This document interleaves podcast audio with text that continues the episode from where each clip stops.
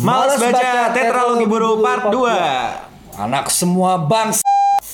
Ya, udah. Oke, ini soal apa? Bingung. Soal apa sih ini, Ci? Ini soal apa sih bukunya? lanjutan yang kemarin, lanjutan yang bumi manusia yang kita bahas kemarin. Oke. Ah, soal apa bukunya? Satu kalimat. Ayo, ayo, ayo. Tentang kesadaran protagonisnya Mingke bahwa kita sebagai manusia itu dihasilkan dari semua ideologi dari semua bangsa. Yo. Luas Yoi, banget ya. benar benar. Oke, langsung kita mulai Lu podcast. ngomong apa sih urusan? Kayaknya kesurupan nih gue. Iya. Musik.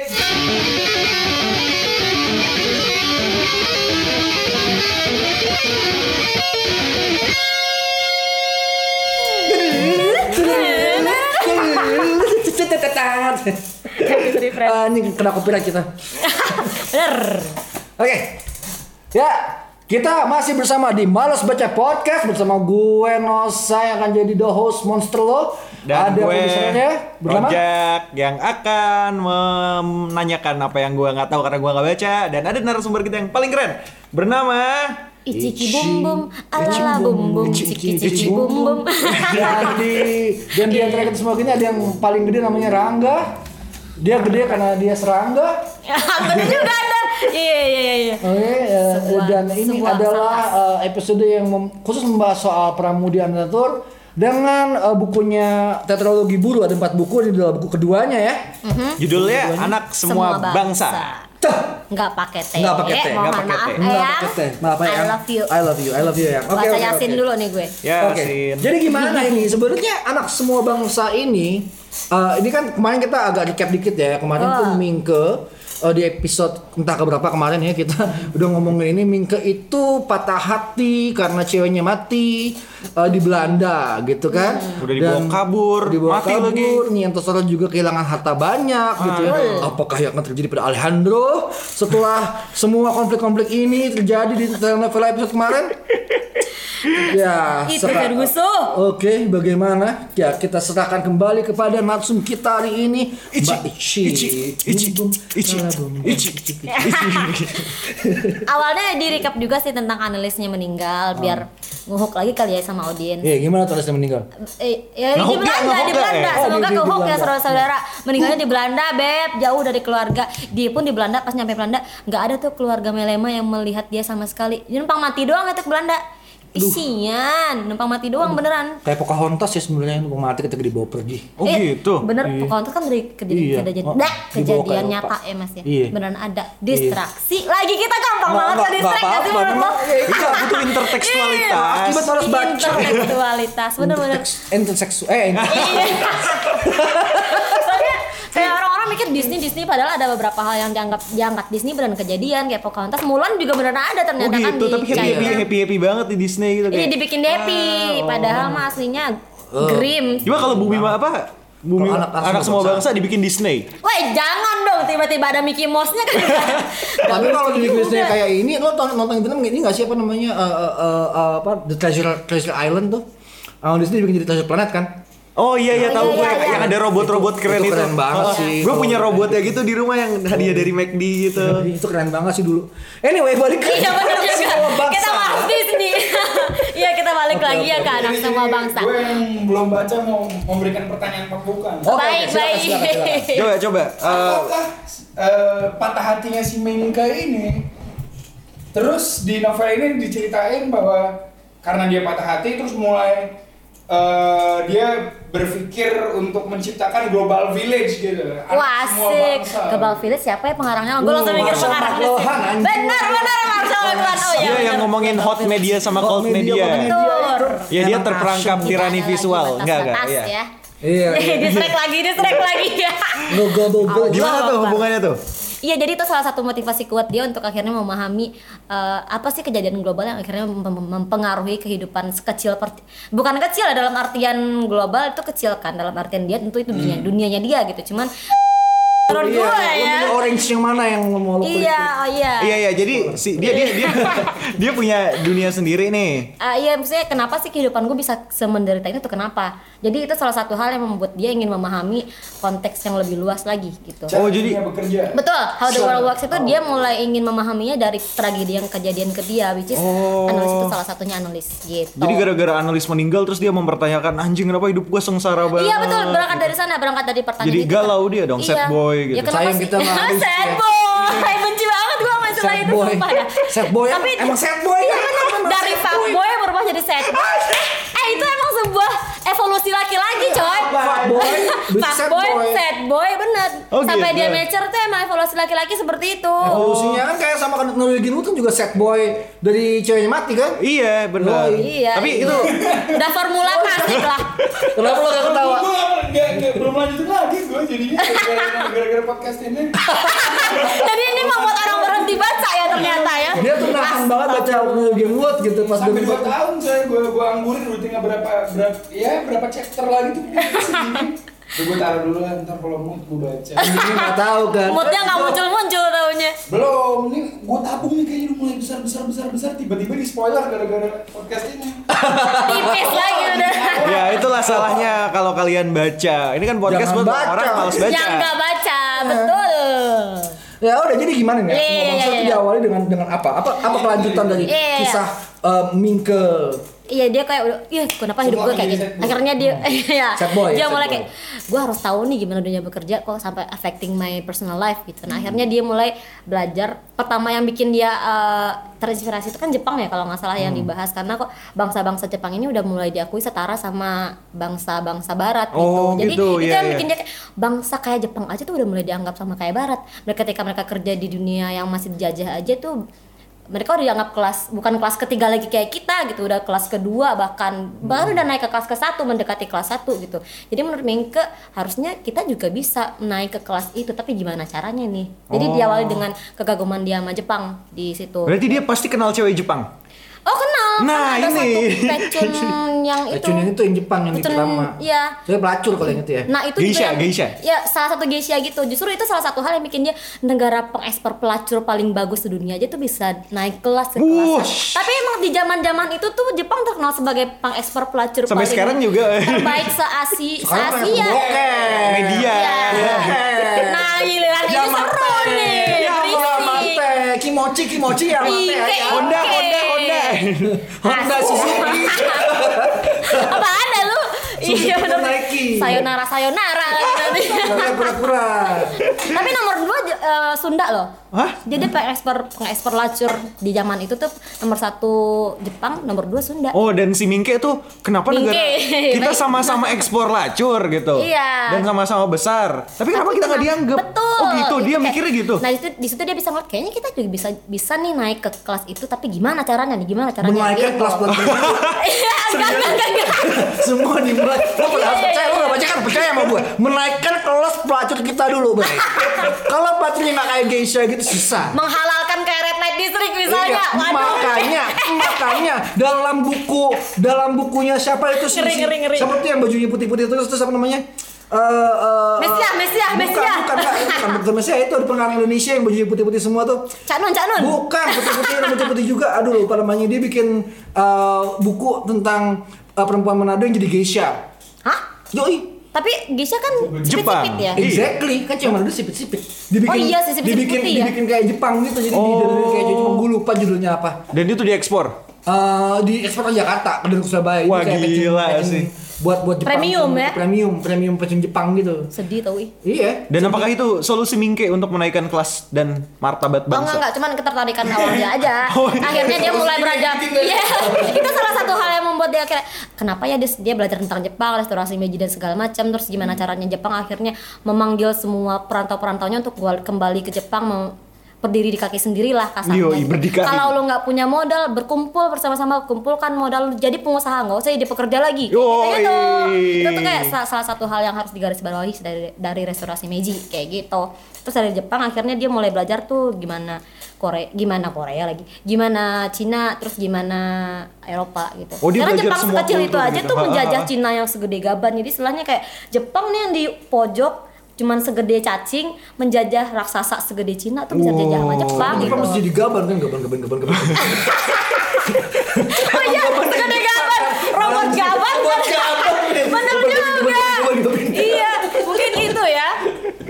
Karena Cina juga zaman segitu kan belum maju, Cina tuh masih dalam di garis kemiskinan waktu itu. Oh, jadi, gitu. jadi istilahnya masih Cina juga masih belum bangkit. Yang kecil itu bisa menjajah seorang yang gede tapi males gitu loh kasarnya. Ha, ha, ha. Jadi kenapa kita juga nggak bisa yang kecil kayak Indonesia kayak gitu. salah Nah terus satu hal. jawaban dia apa tuh? Kenapa nggak bisa? Nah, dari sedang mencari jawaban itu dia ketemu sama salah satu orang Cina, salah satu golongan muda Cina ya mas. Cewek Namanya bukan? Ase. Enggak, enggak, belum, belum. Belum, belum, cewek Oh, belum. Belum. Nanti ketemu, nanti ketemu. Iya. Ini ada cewek Cinanya. Siap. Ada cewek Cinanya. Siap. Hmm, yang akan jadi eh spoiler, spoiler. Iya Oh, betul. nggak apa-apa, cuma Betul. cewek-cewek Cina. Jadi ini eksplorasinya perang sama cewek Cina. Iya. Gitu. Kan Asia ganti-ganti ya. Iya, Tadi kan, ganti-ganti. tadi kan Indo Belanda, sekarang uh. Cina. Yoi, oriental oriental Iya, ya. Betul. Oriental bento. Wih. Terus dia ketemu lah kan sama salah satu uh, golongan muda Cina yang ingin juga mengangkat harkat martabat Cina dengan cara keluar dari Cina dan menghimbau juga semua perantau Cina untuk memperbaiki kondisi Cina kayak gitu supaya nggak Oh, dijajah I Jepang see. gitu itu korelasinya. Nah dari orang Cina ini akhirnya si Mingke bersemangat lah untuk eh gue juga mau ah jadi pembaharu negara gue gue kuliah lebih jauh ah sekolah lebih jauh ah gitu akhirnya dia memutuskan ke Betawi ya mas kalau nggak salah Iya. buat sekolah melanjutin di Stovia ya Hah, saya saya Iya. Distopia suka dokter. itu dia Sofia. Iya. jauh tuh. Gua kira dia sekolah ke Dia Cina kan di- kemana? gitu. Dia tuh di eh bukan kan Wonosobo. Di mana sih dia tuh? Wonokromo, Wonokromo, Wonokromo Wonokromo. gitu. Mm, nah, akhirnya dia memutuskan untuk merantau ke Betawi melanjutkan sekolah di Stovia. Di Jakarta berarti. Di Jakarta. Itu asal mula perantauan berarti ya. Betul. Dia Iya, itu. Yoi. Pertama kali dia jauh dari rumah gitu. Tapi nggak nyampe juga dia di dia nggak nyampe di apa namanya nggak sampai di Jakarta udah di salib gitu. Di begal bisa bisa bisa. Iya, Jadi dia dibegal. udah di pas di Semarang di pelabuhan Semarang dia udah diambil lagi sama orang-orang, disuruh Oh. balik lagi t- ke rumah balik. Kenapa lagi ke disuruh rumah, balik? Gitu. Karena karena bapaknya mau dilantik bupati gitu kalau nggak Iya. salah ya. Iya, bukan penek pangkat. Oh Iya, terus Bang. harus datang gitu ke pelantikan. Eh, karena kan banyak tamu-tamu Belanda tuh. Nah, dia diminta untuk Iya. menerjemahkan Itu kayak buku pertama ya. Eh, buku pertama ya Mas? ya? Apa gue salah ya? Tunggu ya saudara-saudara, saya cek dulu apa yang terjadi dengan Cut. kita. Pertama, nggak usah diikat, lanjut aja dulu. Iya, Kan Kita Oke. Ya. harus baca. Oh iya benar Boleh juga. semua Benar harus juga. baca. Oh iya itu karena buku si pertama. Nyai karena nyainya itu bermasalah lagi tuh Nyai. Hmm, nah ini. Oh iya dia disuruh balik sama Nyai, Ding.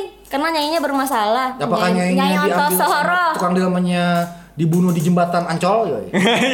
Ya bener loh, nyai jembatan Ancol tuh nyai loh, jembatan Ancol itu diket dari nyai. Oh, gitu. Cerita aslinya apa? Eh serius lu, Mas? Iya, gue baca. Enggak, enggak, enggak, enggak, gua enggak baca. Oh, ada filmnya juga yang main Chris Biantoro yang jadi tukang delmannya jadi dia pura-pura mati di Ini yang lama. yang lama. Oh, Jadi ya Nah, Allah. kisah thriller. Yang baru udah ada lagi. Iya. Iya, Sinus Jembatan Ancol tuh awalnya bukan film hantu tapi film thriller.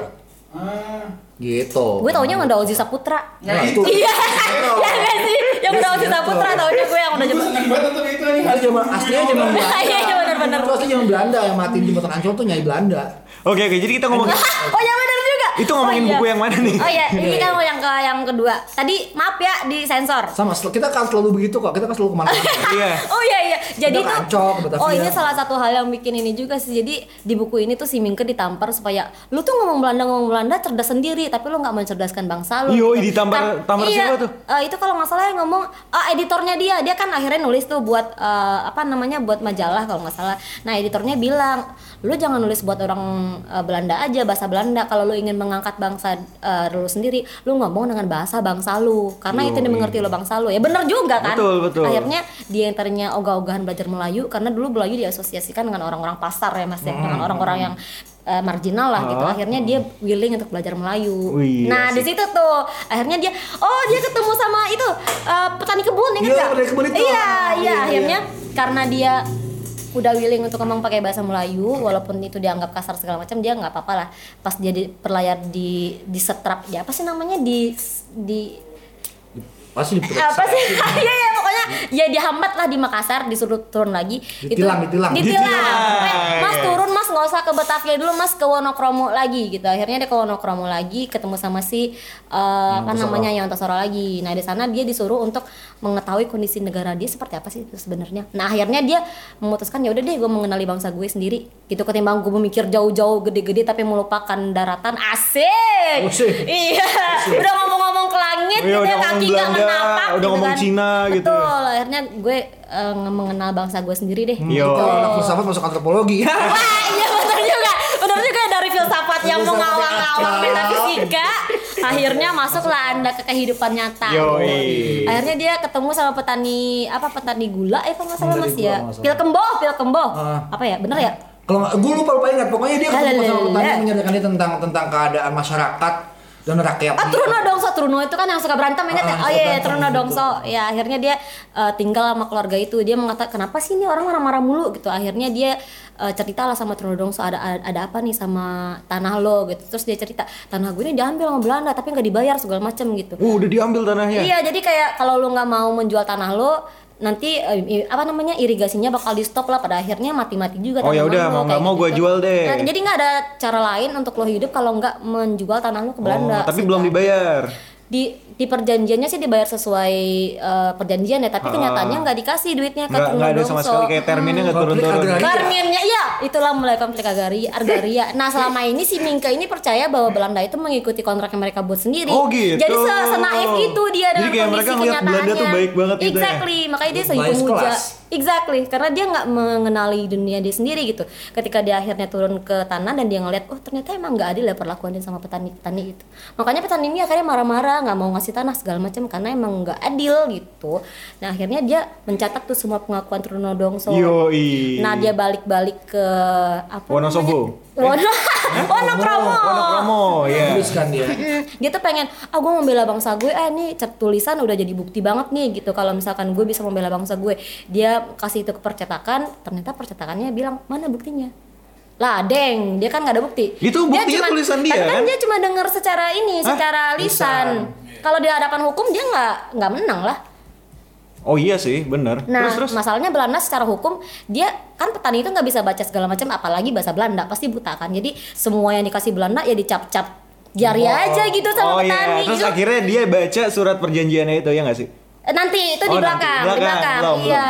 Tapi kan petani kan nggak ngerti itu perjanjian apa. Iya, Gitu. Mereka iya. mas cap-cap aja. Tapi secara hukum Belanda berarti petani itu setuju kalau dia Ah. di dimanipulasi lah istilahnya. Iya dia gitu. setuju gitu. Iya jadi kayak orang dimanipulasi karena ketidaktahuannya kayak gitu kan. Jadi kalau secara hukum ya Belanda menang lah karena buktinya secara legal mereka semua punya Ah, gitu. ah, Nah ah, itu ah. mulai tuh Mingke ternyata selama ini gue nulis cuman eh, bahasa berbunga-bunga dalam tanda kutip aja nih tapi nggak ada bukti. Nah di situ dia mulai tertarik dengan investigatif journalism tuh. Yoi. Ini tuh hal yang membuat Mingke makin tahu sama negaranya sendiri. Ini mulai perlawanan nih. Exactly. Jadi mulai menyusun enggak lebih ke mengetahui apa yang salah ya.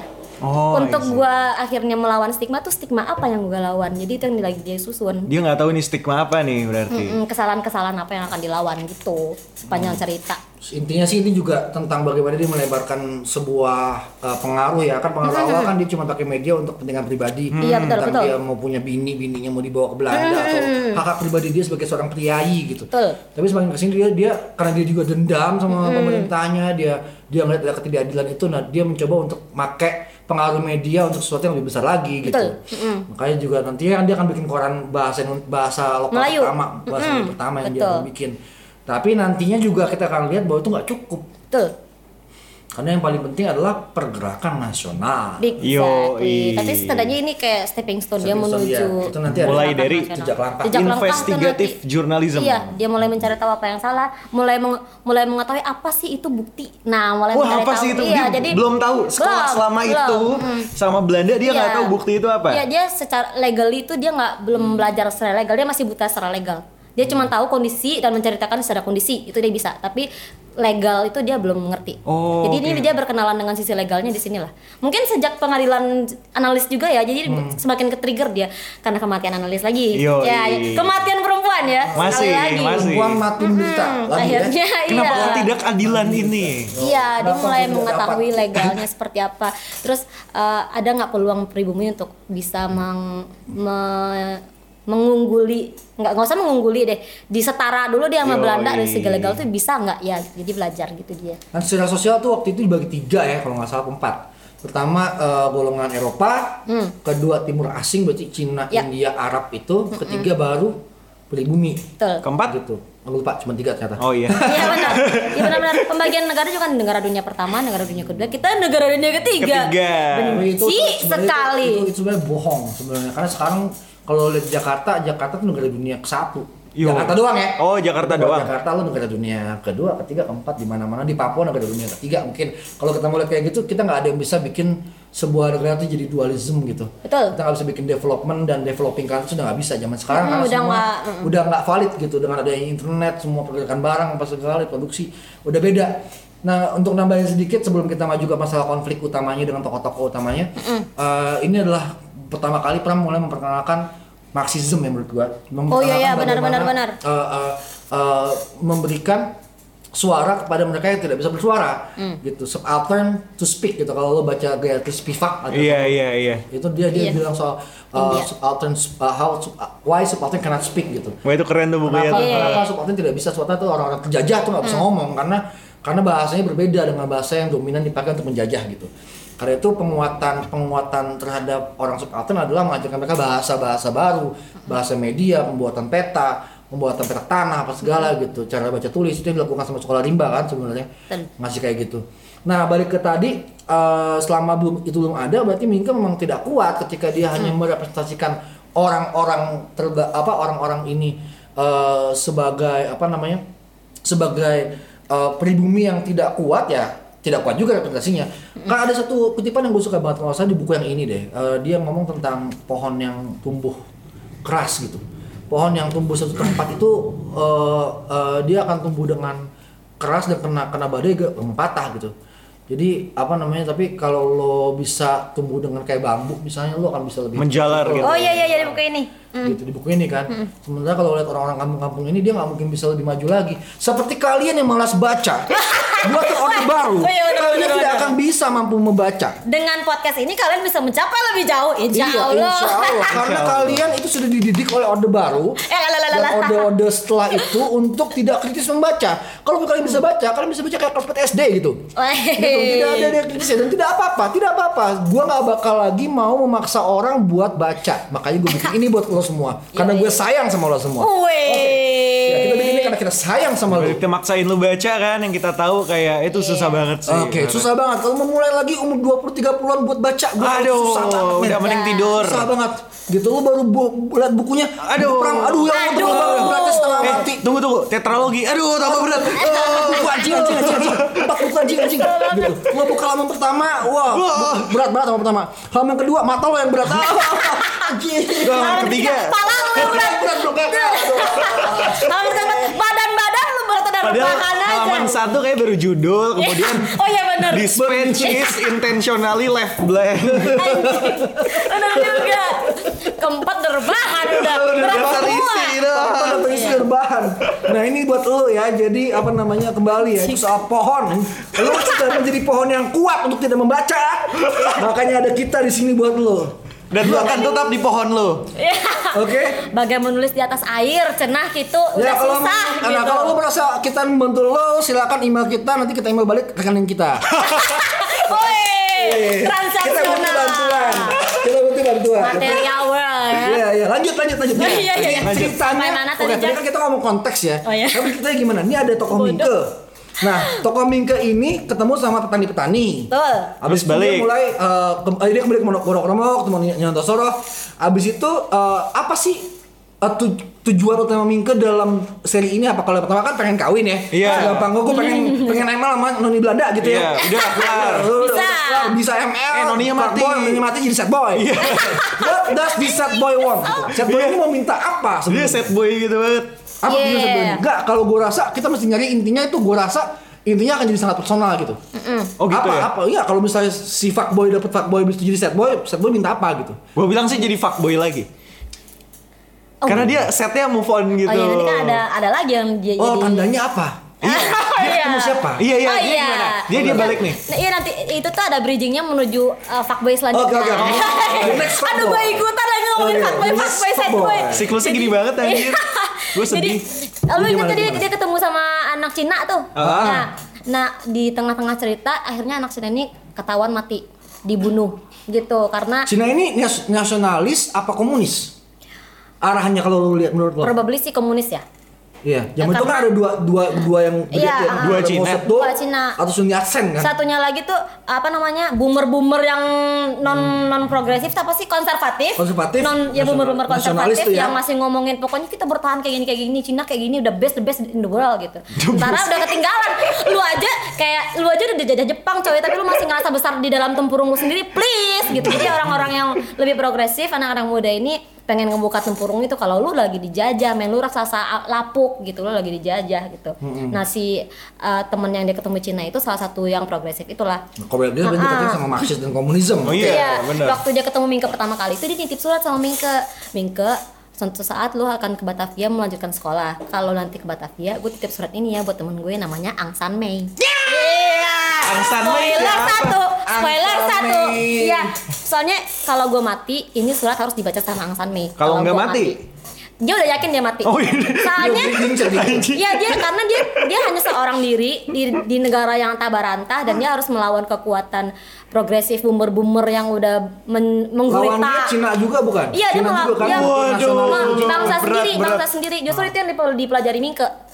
gitu untuk gimana caranya melawan bangsa bukan melawan bangsa sendiri mencerdaskan bangsa sendiri yang enggak Yoi. yang terkurung juga dengan tempurung gitu terus, akhirnya dia oh, di mana ya ketemunya jadi ada Di kabar pasar, yang di masuk ke Wonokromo lah pokoknya yang bilang kalau ada mayat Cina ketemu gitu dan dia pakai apa sih yang rambut-rambut budak itu loh Ah, ah. rambut budaknya itu copot nah dulu Dipotong- tuh diputus ya, dia iya potong. diputus dulu kas- kata si temennya ko ang ko ang seu seu pokoknya itulah dia udah bilang kalau lu ketemu gua udah nggak pakai eh, rambut budak lagi ternyata gua udah mati Bukan apa namanya kucir, kucir. Iya, kucir. Ada kucir yang dipotong.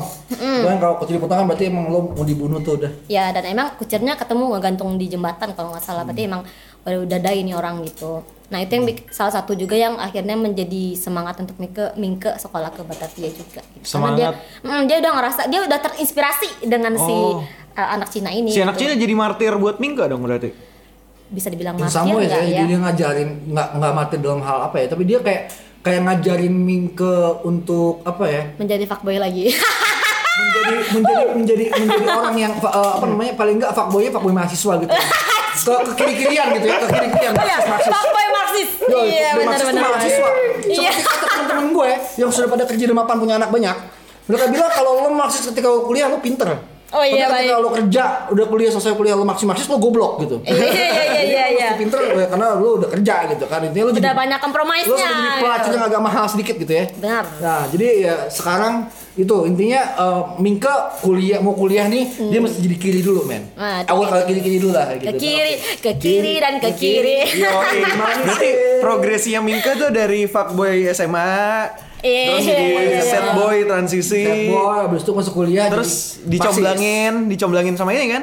Marxis. Nggak dicomblangin. Belum, belum, nih. belum. Belum. Ini belum dicomblangin. Belum, ini juga nggak cuma comblangin. Nggak dicomblangin. Iya sih, Eh, nitip sebenarnya. surat gue udah curiga nih ada yang Oh itu nitip. surat perlawanan, surat perlawanan sesama orang-orang Cina, Cina. muda. Oh, Jadi orang Cina oke. muda ini nggak satu doang, tapi dia ada kayak ba- dikit, dikit juga sih. Cuman dia tersebar satu orang satu daerah gitu. Oh. Jadi kebetulan di daerahnya si Mingke ini dia ketemunya sama Koase. Kayak korwil korwil Iya gitu. kayak Korwil anjir Bener juga kayak Korwil Nah di Batavia itu si Ang San Mei inilah Korwilnya Jadi kalau dia mati tolong dihubungkan sama Korwil Batavia kayak Oh, gitu oke, I see. Ternyata emang dia mati gitu Iya, bener. Gitu akhirnya dia salah satu alasan kenapa si Mingke lanjut sekolah ke Batavia Terus ya, oke Hmm. lanjut ya. Di Batavia, bagaimana dia bisa bertemu sama cewek ini? Iya Si Ang Kita San udah Mei. langsung Kalau Apa? Batavia itu mau udah masuk ke jejak langkah dong mas Oh jelas kayak dia kuliah Iya. di mana sih? Dia ke- yang Di mana? ini kan? Si Yang Mei. ketukuncirnya yang ini Kamu di mana? Mei-nya muncul di yang ketiga di jejak Oh dia langkah. ketiga di sini cewek siapa? Nggak ada dia Oh dia pure sad boy Ah, mungkin. iya, Pure sad boy. bener-bener sad boy di sini. Wah, gila. Ya, berarti lebih Jadi gila. fuckboy, sad boy, fuckboy oh, lagi berarti lagi dua, nanti. dua cewek itu dijejalkan dua-duanya. Iya, si Ambon betul. juga jelaka ya? Ambon end- di endingnya. Anjrot. Ambon. Berarti Kan kita yang- nggak ada, lu beneran sad banget sih ini men. Iya ini Ah, emang se, pure purenya sedang dikerak-keraknya sad boy banget ini Aduh. belum naik belum belum. Libidonya. Kesian banget si Pram ya. Kok sih Pram yang gak sih ya? Ya kesian lah dibayangin ceweknya siapa di situ. Iya kayaknya. Oh iya juga ya. Mungkin ya lagi bergulat aja kali nggak perlu ini dulu lagi absen. Atau dulu. mungkin Gua udah nggak habis. yakin, gue gue yakin ada sesuatu. Enggak, gue gue gue sangat Freudian dan Jungian. baik baik. Gue gue ngerasa ada sesuatu yang gue lupain di sini. Iya. Sia- eh, oh, oh. Siapa siapa siapa? Nyonto Soro Oh serius loh. menuntut gue ya, Oh, Kayak- itu kan ini pas dia ngebocorin surat-surat siapa yang ngelamar dia aja. Jadi Hmm. di situ tuh akhirnya si Nyai Ontosuri tuh bilang, "Apa lu mau pergi nih ke Batavia?" Terus gue sama siapa ya di sini? Yoi. Karena Anil sudah meninggal. Heeh. Eh, lakinya mati. Heeh. Dia sendirian dong. Gue sama si siapa anaknya ya? kemana ya lupa gue si Robert tuh hilang kan dia Mati, kencang kan? mati, Mati, ya? mati kan di ah, satu. mati di rumah Oh. lacur. Katanya Oh, iya, STD, iya, kena iya. Rumah bordil, STD. ya, STD. Iya iya iya. Mati An- di rumah anaknya si bordil. anaknya itu mati di rumah Iya. bordil. Emang sih di bukannya bukannya ODE ya, bukan ya? Dua-duanya mati di rumah bordil. Oh, iya, Tapi keluar kalau anak. yang Robert matinya dibunuh, Oh. yang si apa namanya? Robert Melema. Yang junior oh, senior. Dia mati di California. Anjing jauh. Iya jauh ya. Aduh, Soalnya iya, dia gua dia, sih- gua- dia STD. masih Iya kabur. iya iya, dia STD boy.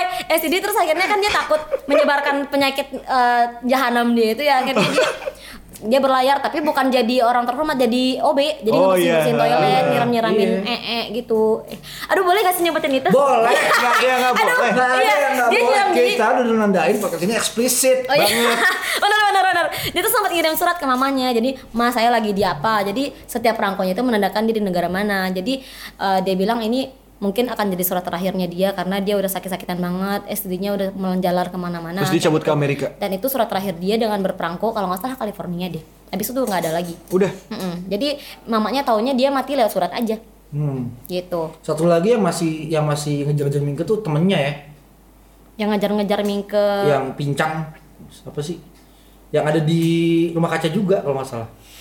Si Robert suruh Robert suruh Oh, dia bukan ini mas, dia bukan ngejar-ngejar Mingke, tapi dia menipu Mingke. Menipu Mingke, kan? Ah, ah, Iya. Karena dia ngasih apa berlian itu pas nikahan Mingke, ternyata Ah. berliannya hasil dia curi. Iya, Jadi iya biar si Emang Mingke emang yang bajingan. Hmm. dituduh. Ah, ah. Iya biar baji, emang bajingan tuh bocah. Dia sengaja ngasih berlian yang dia curi ke Mingke buat hadiah dia nikah sama analis. Karena kan kesel ya harusnya kan dia yang nasir sama analis Ah, gitu. itu dia nangkep. Dikasih lah berlian-berlian giuk-giuk Cina mahal gitu. Padahal Padahal dia masih hidup kan sampai novel berapa dia masih hidup kan? iya masih ada masih. beberapa. Mm-mm.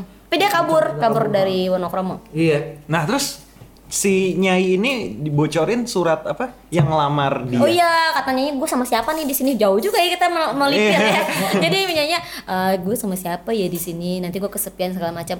Tuh banyak kok yang ngelamar gue terus dilihat karena masih mikir, oh iya banyak dia yang ngelamar dia gitu. Salah satunya yang ngelamar dia tuh ternyata editornya dia mas, editor Oh. dia di kantor itu ternyata ngelamar si Nyai Nah. Antasoro. Cuman memang nyanyinya tuh staff itu kayak I don't need love, man. Yoi. love is for the weak gitu kan. Jadi kayak nggak Gue mau mau. cowok yang weak juga. Dominan. Oh. Iya, tapi ternyata at some point in her life dia ternyata oh, gue butuh orang ternyata nih gue nggak bisa in my Ah, terus, loneliness terus, terus. gitu. Ah, si Mingke tuh awalnya ngenalin dia sama Jean Marie Jean itu Marie itu, si si pelukis pelukis yang Prancis. Yoi. pelukis Yang Prancis. punya anak satu. Iya, Cewek. cewek. namanya Mai Saro. Mai Saroh. Iya. Mai. Itu lucu banget juga anaknya. Dan itu sejarahnya keren banget sih dia punya anak itu. Jadi kan dia kan kawin sama cewek Aceh. Betul. Nah, dia cewek. tuh veteran, veteran perang di Aceh ya Mas ya? ah, perang Aceh. Ah, ah. Jadi waktu perang Aceh itu kalau lo baca buku kura-kura berjanggut. Oke. Baik, kura-kura Perang berjanggut. Aceh itu adalah perang yang sebenarnya gini ketika lo ngomongin soal Belanda ke Indonesia pakai kapal-kapal itu kebanyakan yang maksudnya itu mercenary jadi nggak orang Belanda murni banyak orang-orang dari Portugis dari Inggris dari Belanda dari Jerman dari Prancis gitu orang-orang yang pengen cari cari apa namanya eh, biasanya yang kabur dari agama gitu ya karena agama dia beda sama agama mayoritas atau orang-orang yang bisa saja pengen pengen dapat duit dari dari perang gitu salah satunya si Jan ini Iya, gitu betul. Iya dan dia, dan dia kawin sama cewek Aceh yang yang akhirnya dia memihak sama orang Aceh kan. Iya. Dia kalau nggak salah bunuhnya kena kenapa sih kenapa diam ya? Iya, pas dia lagi jadi perang perang lawan apa gerilya di Aceh gitu. Hmm. Mati Jadi kena buntung. meriam. Enggak, Enggak, kakinya buntung, buntung. buntung. Anjing sakit banget itu meriam kan. Hmm, copot anjir. Iya, memang kakinya. Hmm. Enggak zaman dulu lu sakit kaki, kaki itu begitu robek dikit aja diamputasi. Iya, Oh, gitu? Oh, langsung Potong. Dokter apaan? Dulu zaman dulu begitu Medik, kalau perang medis medis. zaman segitu mah. langsung diikat potong, ikat potong, tangan potong. Gampang banget ya? Iya jadi cepat karena kalau lo nggak kalau nggak lagi Menyebar. busuk, nanti bisa busuk kakinya. Oh, mending potong. Potong cepat gitu, potong cepat diikat udah bisa sembuh sendiri kan. Oh. Tapi nggak pakai bius tuh, jadi Iya. benar-benar diikat. Aduh, zaman Diikat. dulu. Anjing. teriak-teriak gitu. Wah, terkenal lah, pakai disuruh gigit kayu. Iya ya, potong. disumpel. Lukman Sardi tuh Lukman Sardi. Lukman Oh, Sardi Kalau yang di teaternya tuh Lukman Sardi. Oh, yang Lukman main. Sardi jadi J- Jan. jadi Jan Wah, Mari. wah, mantap gila. sih. Lukman Sardi, aduh, sembah sujud dah gue dah. Ya, ya, Dari ya. zaman kapan Gila. sampai sekarang, Uhuh. dia mah jadi apa aja bisa cuy. Ngerti gue sama Lukman Sardi. Iya. Oke, kita balik ke Kita kita merepet lagi Iya, nih ya. kita balik ke Iya, Jen. Iya iya iya Lo- iya lo betul. harus cari videonya kalau masih ada Nah. tuh, aduh, atau ya kita doakan ada pentasnya lagi lah. Amin. Susah. Sama rumah Sardi. terakhir yang bunga penutup abad itu 10 menit udah habis kursinya gila itu Hah? bloodbath battle banget kalau lu nyari tiket nonton bunga penutup abad tuh Gila 10 menit udah habis kan? anjir ya udah merah gitu kursinya semuanya pas lagi dipesan Mm-mm. ya sebagus itu saudara-saudara Bagus dan ya nggak banyak lah emang tiketnya juga susah itu. iya betul Oke lanjut. oh iya benar Udah, kita jadi Oh. kembali ke Jen. kita kembali ke jalan yang benar Oke kita jadi kita kita oke jadi cewek-cewek cakep Cina dan Ambon itu kita mundurin ya di Iya, mundurin ke di- di episode jejak nanti langkah setelah ini. Nah Ah. jadi eh, di tengah itu oke eh, setelah Mingke mulai menulis dalam bahasa Melayu apa yang terjadi? Eh, ah banyak juga orang Melayu yang akhirnya tercerahkan gitu. Oh, gitu? iya, jadi mereka yang tadinya eh, buta dengan penipuan Belanda terhadap mereka akhirnya kan mulai terbuka matanya. Hmm. Oh, ternyata selama ini kita sama Belanda ditipu nih kayak gitu. -gitu. Tapi ya cara Mingke menyampaikannya juga harus menyesuaikan kan dengan audiensnya gitu dan dia akhirnya mulai kayaknya nggak bisa kalau cuma selebarannya harus dicetak massal nih nah mulailah diperkenalan dengan yang namanya percetakan yang masih di situ Yoi. itu karena kan zaman-zaman revolusi industri juga ya jadi ketika Hmm. pertama kali ada sepeda ada di dunia ini tuh Iya. pas di situ Oh, lah Iya, jadi kayak, gitu. wah sepeda itu buat mereka sepeda tuh keajaiban di zaman itu boy mungkin kayak kita ngelihat apa gitu sekarang gitu Tesla gitu ya. iya mungkin kayak wah gitu tapi buat mereka tuh sepeda kayak "Heh, baik gitu pada zaman itu adalah keajaiban Se- bahkan perampun mengabarkan sepeda tuh kayak sepeda tuh hidayah dari Allah Oh, gitu. subhanahu wa ta'ala gitu ya kayaknya apa banget gitu sepeda kayak bahkan roda, roda dua aja tuh orang bisa berpindah dari satu tempat ke tempat lain tuh kayak wah ya bener juga sih deh, eh, apa deskripsinya cuman sepeda doang beb Terus waktu waktu sepeda ditarik kuda, Nggak ada sebenarnya. eh justru kuda dulu baru ada sepeda beb tapi kan kalau kita naik kuda nggak capek, sepeda capek. Ya iya, Nah, cuma kan iya. sebenarnya kan apa namanya Bisa satu satset, satset. orang panjang eh, lama juga di jalan bisa berkilometer gitu loh. Itu kan Oh. pencapaian banget gitu. Pencapaian yang juga bisa lebih cepat dari kuda kalau lo sendirian kan. Betul. Iya, Tukang pos apa segala kan dan, dan dia nggak semahal kuda, jadi kayak mass production juga. Oh iya benar benar Dan benar. metalik metalik itu kan zaman segitu masih hal yang eh, nggak biasa ya ngeliat Iya, iya. metal metal. Steampunk main steampunk. Oh, anjir. Orang di mana-mana, orang di masih telanjang kaki di mana-mana, cewek-cewek belum pakai bra kan masih telanjang dada. Oh gitu nggak nggak pakai bra? Ada yang nggak Berarti si pakai bra. analis nggak pakai bra dong? Dia kan anak Belanda, Jalan mohon maaf. Belanda. Heeh, kita ngomongin Zaman dulu pribumi. cewek-cewek tuh masih pakai sirih mana-mana. Jadi ada yang bawain sirihnya kayak biasanya ny- kalau nyentos itu kalau pengen bener ya di film tuh harusnya dia ada kalau pakai penelitian gitu ya. Dia pasti ada- kalau nyanyi-nyanyi itu biasanya dia bawa anak buah yang bawain kotak sirih. Ngintilin dia gitu. Ngintilin dia bawain kotak sirih, untuk dia makan sirih. Dan di Belanda juga begitu biasanya, pakai sirih juga nyobain. Ngikutin. Mm, Ngikutin sirih itu zaman itu banyak lah. Mhm. Jadi kayak tren tren kayak orang rokok gitu. Tapi sirih ya? Iya. Mm, Merah-merah gitu. Keren tuh. Karena kan di akhir abad Iya. Hmm. Jadi- menuju abad 1900 menuju tahun 1900 jadi di awal abad ke-20 lah jadi baru baru ada baru mulai revolusi industri juga kali ya dan Iya. se- mm-mm. ketika penjajahan lagi heboh-hebohnya kan orang-orang mengumpulkan kapitalisme dan segala macam Iya. Hmm, terus habis itu oke dia bikin koran kan di situ. oh iya benar Dia mulai kenal percetakan, Iya. kenal sepeda. Dan dia mulai ada ide, nih kayaknya eh, tulisan gue harus dikonsumsi secara massal nih biar orang-orang tuh cepet punya kesadaran bahwa kita tuh lagi ditindas kayak gitu. Kalau sekarang kan cuma di beberapa orang yang cowok yang tercerahkan. Dia pengennya semua orang tercerahkan akhirnya nanti akan gerak-gerakan massal bersama-sama. Nah, itu lagi disusun sama dia. Eh, mulai mencari disusun cara. nih, I Mm-mm, mulai see. mencari cara. Mungkin kayak di saat ini kita mesti bilang sih siapa namanya Mingke aslinya. Udah kita Haruskah? spoiler nih. Ah, soalnya udah jelas dia lagi bikin koran kan. Eh. Oh Siapa iya yang benar pertama sekali. bikin koran di Indonesia Bapak jurnalisme Indonesia adalah beliau. adalah tirto.id. Kan Anjir, kita di endorse, Boyd endorse kita dong. Mungkin itu juga Adi- sejarah. Ah. Tirto ID Suryo. Ya. Iya, Adi Suryo. Tirto Adi Suryo. Tirto ID Suryo. Adi Suryo, benar. Raden Mas Tito ID Suryo, tirto.id Suryo. Berarti apakah jika ada uh, s- Betul. kelanjutan filmnya yang dibuat untuk melanjutkan Bumi Manusia, sih, kira-kira siapa yang mau mainin tokoh Pak Tirto? Ah, gua mah menurut gue Ganti dong yang sebelumnya. Hmm. Mingke sebelumnya diganti dong. ya nggak tahu ya. Kalau kalau gua ya terus terang gua nggak ada masalah sama Iqbal Kojoy. Waduh gue sih Enggak ada. serius. Maksud gue, gue rasa permasalahan utama tuh di sorry Mas Hanung directing. Kan dia nggak- eh, maksud gue dengan mbak ini ini susahnya tuh gini buat Aduh, gue mohon maaf. gue ngerasa bahwa film itu secara production tuh gede banget seperti kata Iya, Bong Joon Ho budgetnya, kemarin budgetnya. Bong Joon Ho tuh bilang gini abis Oscar dia bilang lo abis ini mau nulis apa gue pengen nulis film murah loh kok murah lo bukannya dapat duit bakal banyak abis Oscar ini tapi kalau duit banyak dia bilang gue gak bisa fokus Oh iya. nggak bisa fokus ke filmnya dan ke ceritanya untungnya gimana karena lo mesti mikirin ini duit habis mesti gimana gitu Jadi secara film buat gue Bumi Manusia tuh terlalu banyak campur tangan produsernya, eksekutif produsernya gitu. Dan Yang gue punya duit. gue- gue yakin, entah kenapa gue yakin kalau waktu itu Hanung dikasih kebebasan sebanyak itu sebagai saudara bisa lebih bagus film itu. Gitu. Amin. Gue yakin banget. Enggak, enggak, gue serius. Enggak, enggak sebagus yang gue pengen karena gue bukan saudaranya. Baik. Iya. Tapi- Biasa ya penonton ya. Nah, gue penonton biasa. Kalaupun gue yang bikin pasti lo juga gak suka kan? Iya. Lo nggak suka. Tapi benar gue juga suka. anda. Ah, benar juga anda. Tapi paling enggak pasti lebih bagus kalau Hanung dibebasin sebebas-bebasnya menurut gua gitu. Tapi gua rasa susah juga kalau ngeliat production production desainnya, ngeliat itu campur tangan orang banyak banget di film Hmm, itu. Gitu. Kalau kalau kita pernah bikin film ya productionnya tuh aduh, rempong yang makin banyak duit masuk makin banyak orang Kepentingan ngomong, yang harus di- kepentingannya makin hmm. banyak gitu. Itulah kenapa konsep oh kayaknya kak di situ sabar ya kok kayak Perburuan ya. itu juga gue tuh bisa keren kalau kalau nggak banyak mas nggak gue nggak gue nggak tahu ada masalah apa tapi film itu jelas-jelas bikin gue yakin ada masalah pembunuhan khususnya kelihatan banget produksinya ada masalah itu Hmm. yakin banget gue gitu masalahnya apa ya mungkin dari wiki adipati doken Nyanyi, nyanyi, nyanyi, nyanyi. Wih, lo.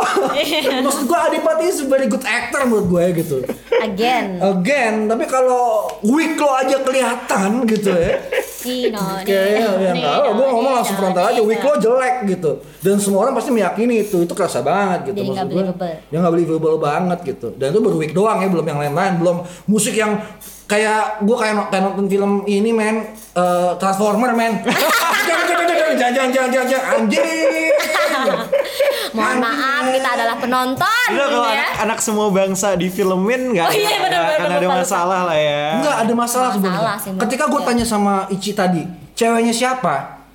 Gitu. Iya. Kalau cewek cuma nyentuh soroh, gitu ya. Hmm. Dan tidak ada konflik-konflik romantisme Oedipus kompleks antara Mingke dan Nyanto Soroh. Oedipus Complex. Iya, gue juga mengharapkan itu sebenarnya sih. gitu. Jadi tidak ada romantisme di, di novel kedua ini. Iya, nyaris nggak ada. Nah, Serius? gimana cara bikin filmnya tetap menarik buat anak muda yang yang kayak gue zaman Haus, SMP iya, gitu. haus romantis. Iya, Nah, kalau cuma serius banget gitu set boy, pertualangan jurnalistik.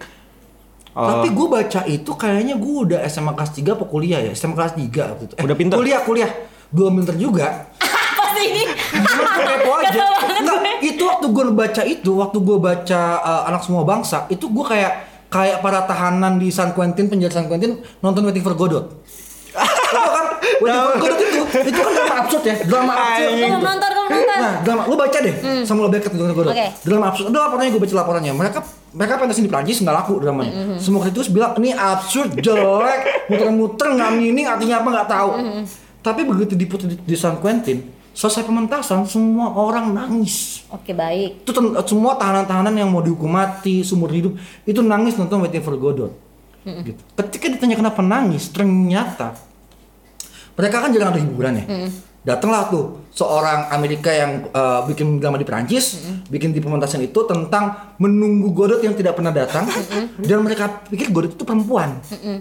Tapi sampai akhir nggak ada perempuannya. Oh, tapi karena kecewa, Kecewa. gitu. Oh my god, gue pikir sadar udah Ceweknya segmennya nggak benar ada, ya ceweknya Allah. nggak ada kedua mereka jadi sakit sa- sangat merasa tercerahkan sama keadaan di mana mereka menunggu kepastian hidup mereka kapan gua keluar penjara Asik.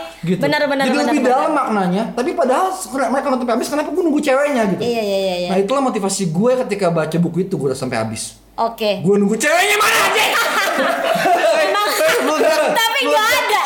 Ini kapan ada fat fuckboy-nya tapi nggak ada itu Iya, ya. set gue mulu sorry off pick ya Sorry, di, di, dikecilin dikit Ya udah, gampang. Betul betul betul. Ampun. itu ada oh god Nah, tapi abis dan abis baca buku itu seperti para tahanan-tahanan yang menonton Waiting for Godot Ah. Iya. gue tercerahkan Oke, baik, Bahwa- baik, baik. Iya. bahwa abis itu di kuliah di kampus gue bikin zina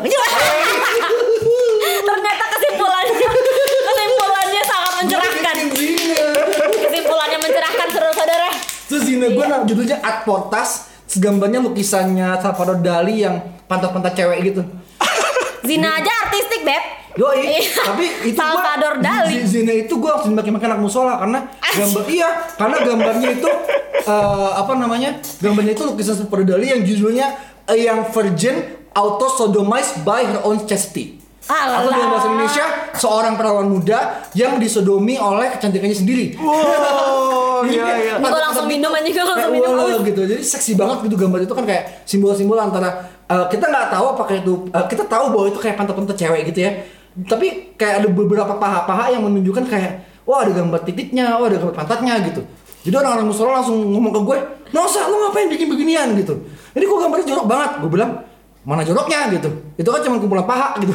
Itu juga bisa, Iya, bisa iya, jadi iya, cuma iya, iya. kumpulan curvy-curvy doang. kan. Cuma karena lu ngeliatnya di perspektif Interpretasi lo, ah. gua baca kayak wah anjing kayak disodomi nih gitu which is judulnya memang yang virgin auto sodomized by Warren Chastity Yo, Iya, benar juga. Itu udah Fuck gitu. beyond banget. Ah. Fuck. Iya, dan dan isinya waktu itu ya tentang ini tentang kampus-kampusan dan kehidupan kampus dan kegalauan gue soal cewek-cewek tapi gue bikin simbolik-simbolik gitu deh Oh iya.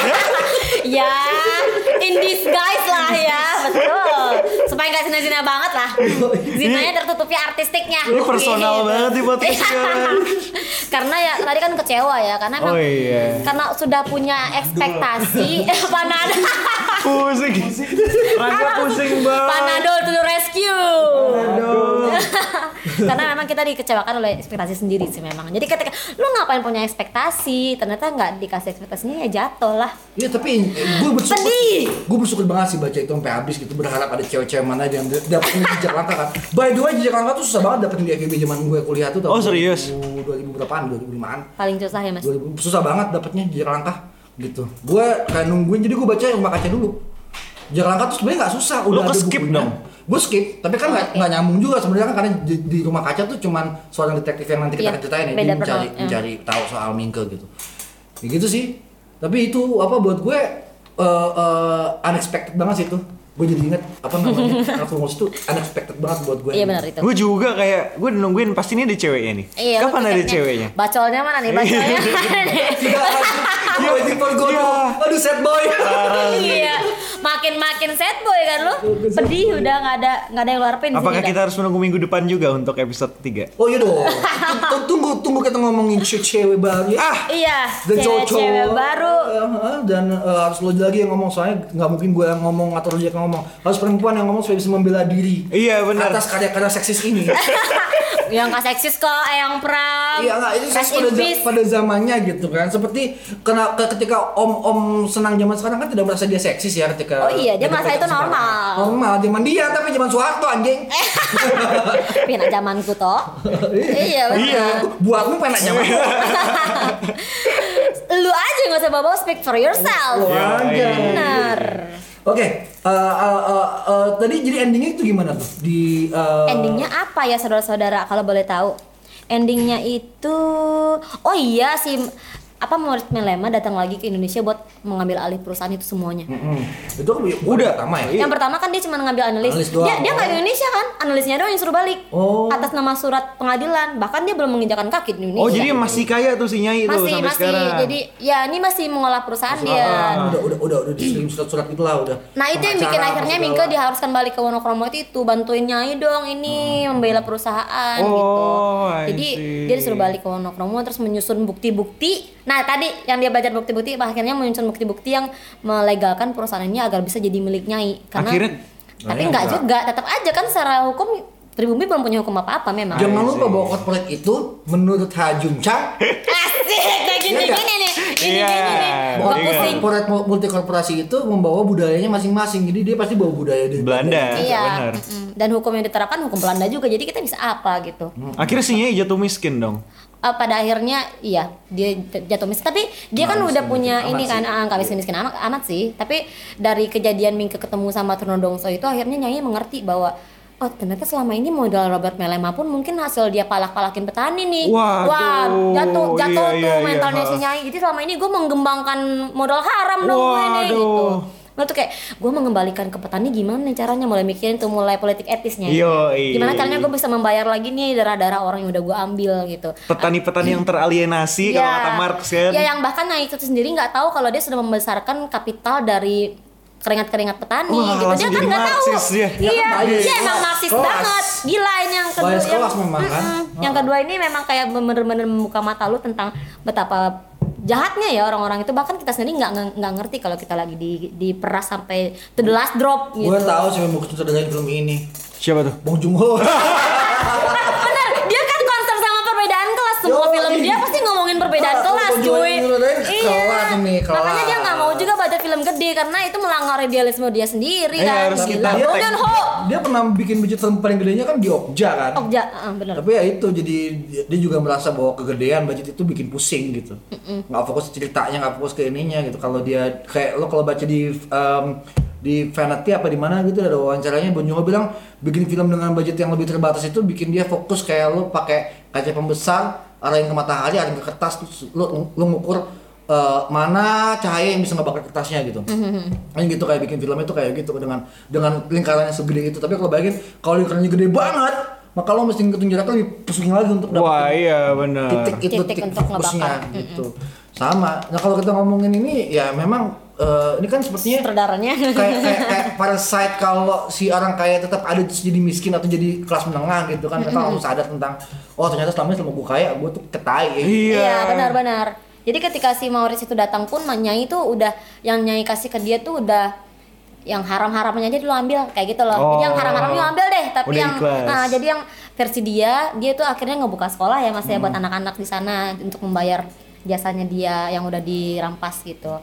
Dan akhirnya si Maurice Melema dikasihnya yang haram-haramnya aja. Jadi Nyai punya tabungan dia sendiri yang menurut beliau itu hasil bersihnya. Jadi dia meng- menghitung semua kekayaan dia, terus dia adalah hitungannya itu sendiri berapa yang harus dia kembalikan yang enggak entah bagaimana ya eh, apa asesmennya apa sih parameternya iya nah gimana lah parameternya akhirnya Nyai itu eh, memutuskan segini aja deh buat Maurice Melema dan itu yang diakui ke Maurice Melema sebagai punya Maurice Melema dengan sedikit banyaknya memanipulasi evidence tadi Yoi. yang lo punya cuma segini nih ini bukan punya lo lagi nah Yoi. dengan modal yang tersisa dia bangun perusahaan sendiri Nice, perusahaan Nah, lebih manusiawi. Belum manusia dan itu tuh persis di depan perusahaan Buten Bu, Butenzorg Butenzorg. Butenzorgnya itu Pasti persis di ini ada depan itu. hubungan sama jejak langkah nih sekolahnya nih.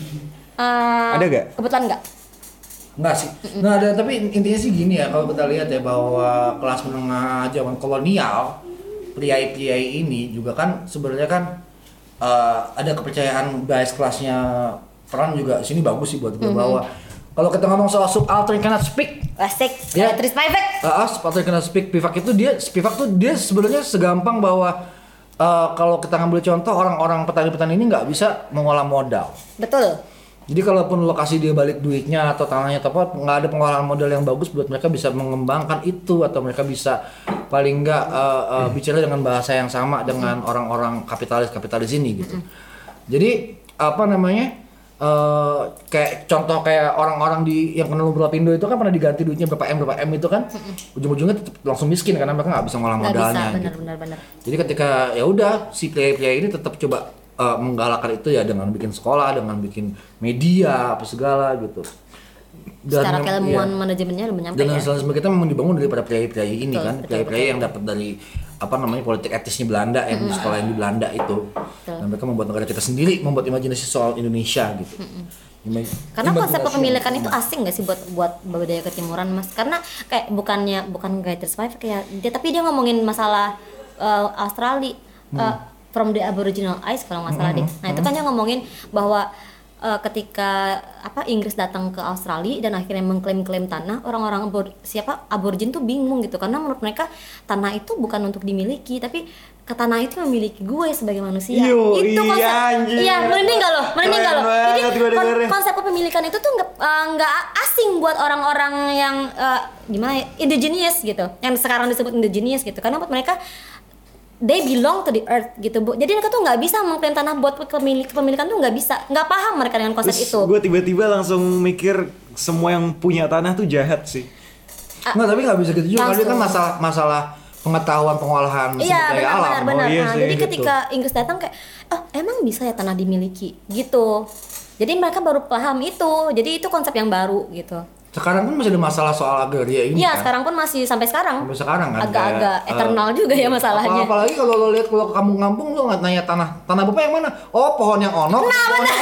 Dan gimana kita pohon Iya. Bukan pohon kayak onok. ini dari sini berapa hektar nggak gitu Gitu, Nah, hitungannya gitu, enggak. gitu. Dari pohon duren sana sampai rambutan sini Nah, punya bapak itu neng punya bapak. gitu.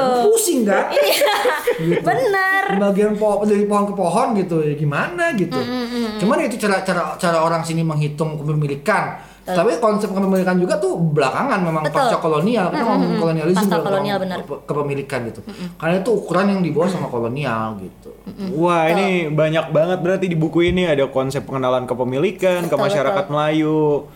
media media mencerdaskan penyem- betul. ah, abis itu eh, imajinasi pembagian imajinasi kolektif orang-orang gitu sampai nanti di jejak langkah kita akan mulai soal eh, apa Perlawanan namanya, ya. perlawanan dengan eh, Organisasi. organisasi pembentukan serikat Islam misalnya itu kan yang pertama kali di jejak langkah ya Wah gila ini Iya. anak sejarah fisip banget lah pokoknya sejak langkah lah anak fisip nah prinsip banget tuh, itu, ya kan tapi lu semua emang harus melek politik coy mau lu kedokteran mau lu anak teknik juga tetap aja lu harus melek politik beb harus harus minimal tahu politik ini deh tahu politik secara umum aja dulu gitu betul gitu minimal lo nggak buta-buta amat lah walaupun lo nggak baca ya lo jangan Iya minimal lo tahu kalau Minimal duit lo hasil tahu. kerja keras lo pajak lo digunakan kemana tuh lo berhak mental Nah. Dan karena itu hasil kalau- gitu keringat lo sendiri dan kekayaan lo adalah kemiskinan orang lain benar juga Itu udah anda pasti. jangan sampai Gitu. Tapi merugikan itu. Iya Mutlak. makanya makanya itu lo harus bisa balas balik gitu dengan CSA dengan filantropik karena lo tahu tidak mungkin lo kaya kalau orang lain nggak miskin. Selamat datang di episode Males Baca Paling Bijak. Iya, Oh, iya. benar-benar ini kayak episode paling bijak Karena dari semua kita sekarang episode. sedang- karena kita sedang sedih sekarang, sedang sedih. Sad boy. Kita sad boy. Iya. Akhirnya Iya. kita berpikir lurus ketika kita sad. Iya, memang melankolia begitu. Emang harus nangis dulu sih. Iya, sampai nanti di episode berikutnya ada Mei. Ah, Iya, ada ada. kembali birahi-birahi itu ya. Kembali berakhir-berakhir itu dan kembali kuda bu. Sementara itu Rangga ada di pojokan sedang berpikir tentang kapitalisme. Oh, abis minum panadol, lagi ngantuk. Panadol. Iya, efek- Pusing dia, pusing. Efek panadol. Banyak banget masalahnya nih. Iya, iya. Oh, Agak oke. berat emang ini. So, itu adalah kesimpulannya bahwa gue suka banget sih quote ya tadi. Kalau misalkan ada pohon yang berdiri tegak di satu tuh kena angin ketimba bek apa langsung ambruk gitu. Cuman kalau ada kayak pohon bambu yang dia merambat berdirinya menjalar, dia akan lebih kuat dan kayak Dia lebih fleksibel aja. Dia fleksibel dan kayak Mingka ini dia berusaha membawa ilmu Belanda ke masyarakat Melayu agar mereka paham dan lebih fleksibel nggak kaku kayak tadi yang tentang tanah misalkan tentang hak milik tentang perusahaan tentang gimana kemiskinan distribusi dan pemerasan petani dan lain-lain Hmm. gara-gara Anele meninggal Analis. Analis. Analis. Hah? Analis. Anelis ya Anelis Analis, meninggal hidup analis. Ya, ada tambahan? Sudah ya sebenarnya. Iya, iya. Berat ya pusing emang Ah, pusing. emang emang ini soal pergerakan nasional memang pusing apalagi nih benih-benih pergerakan nasional yang media gitu gua rasa kalau gua gua mau mesti kalau gua mau nutup ini gua harus bicara tentang em, bagaimana eh, kembali ya ke soal imajinasi kolektif itu dibuat gitu ya bahwa tanpa ada daya baca tanpa ada media kita nggak punya imajinasi sama-sama soal bangsa dan negara dan ketika medianya juga banyak bervariasi dan sa- dan kayak sekarang kayak hari ini bebas kita juga ka- kehilangan ba- apa namanya kita memiliki banyak konflik di imajinasi kita gitu mana yang benar mana yang salah tuh susah ngelihatnya gitu dan kita harus lebih kritis dalam melihat itu tapi juga nggak kritis yang goblok ya kritis yang goblok adalah lo percaya bahwa vaksin itu tidak baik misalnya atau Iya, benar, benar, benar. atau global warming itu tidak ada gitu Aduh. gitu, bahwa tidak ada Kenapa global udah warming hari Oh, kritis? ini gitu karena itu cuma propaganda barat untuk menguasai tanah-tanah kita gitu seperti kata presiden Joko Widodo bahwa ini kelapa sawit itu baik Woko Jidodo kelapa sawit itu baik karena apa karena kalau kelapa sawit tidak baik dan merusak alam itu adalah propaganda barat untuk menghentikan industri kelapa sawit kita itu bodoh Pak Jokowi tolong hentikan Pak Jokowi tolong hentikan Tapi bukannya Pak Yes. Jokowi sekarang lagi diumpetin ya? Sekarang yang memimpin kan cloning ya, Pak Woko Jidodo. Oh, Pak Jokowi. Oh, tadi sekarang lo apa Jidodo? Oh, saya- oh ya, maaf, maaf Pak Jokowi, Pak Jokowi paling benar. Pak Woko Jidodo, tolong Pak Woko Jidodo. Iya. tolong Pak Woko Jidodo. Dia lagi jahat-jahatnya nih. Aduh, Oke. ngeri. Ya, beli ya. Ya, Jangan bilang-bilang ya. Iya. Oke, kita kalau kita mau ada pokoknya jangan bilang-bilang, oke. Aduh. Ini kalau zaman Sartul besok hilang, Beb. Enggak, tapi ki- kita kita ini mengkritik baik-baik, tapi saya minta maaf kalau Iya. tersinggung ya Pak ya. Oke, We love kita you, selesaikan Pak. hari ini. Eh, karena ini sopram, Pak, sopram. Iya, Soal benar-benar. kritisisme, tidak mungkin kita tidak bicara seperti ini Iya sama betul, Bapak. betul, betul, betul, betul. Iya, oke, Dan oke, kepada oke. jurnalisme juga ya pahamilah bahwa susah sekali untuk menge- menerbitkan jurnalisme yang versinya Tirto Adi Suruh yang sangat-sangat apa objektif Iya, dan bahkan berdasarkan Tirto fakta. aja tidak begitu. Ya tolonglah dikembalikan jurnalisme kepada esensinya. Jangan clickbait lu pada jadi jurnalis. Iya oke. Astagfirullahaladzim. Oke, Tirto.id tolong ingat kembali. Nia Ya, Ramadhani nggak bisa buka salak terus hubungan sama gue apa? Dia ngasih gue apa, Beb? Kenapa Nia Ramadhani buka salak jadi trending topik? Oke, kalau Astagfirullahaladzim. gitu kita akhiri episode Oh, iya, iya, iya, iya. sekian dari Males Baca, Baca sampai ketemu di episode selanjutnya. Karena mau ngomongin jejak langkah, Jejak langkah. dan fuckboy. Iya bener juga Anda. I love you. Bye. Dadah.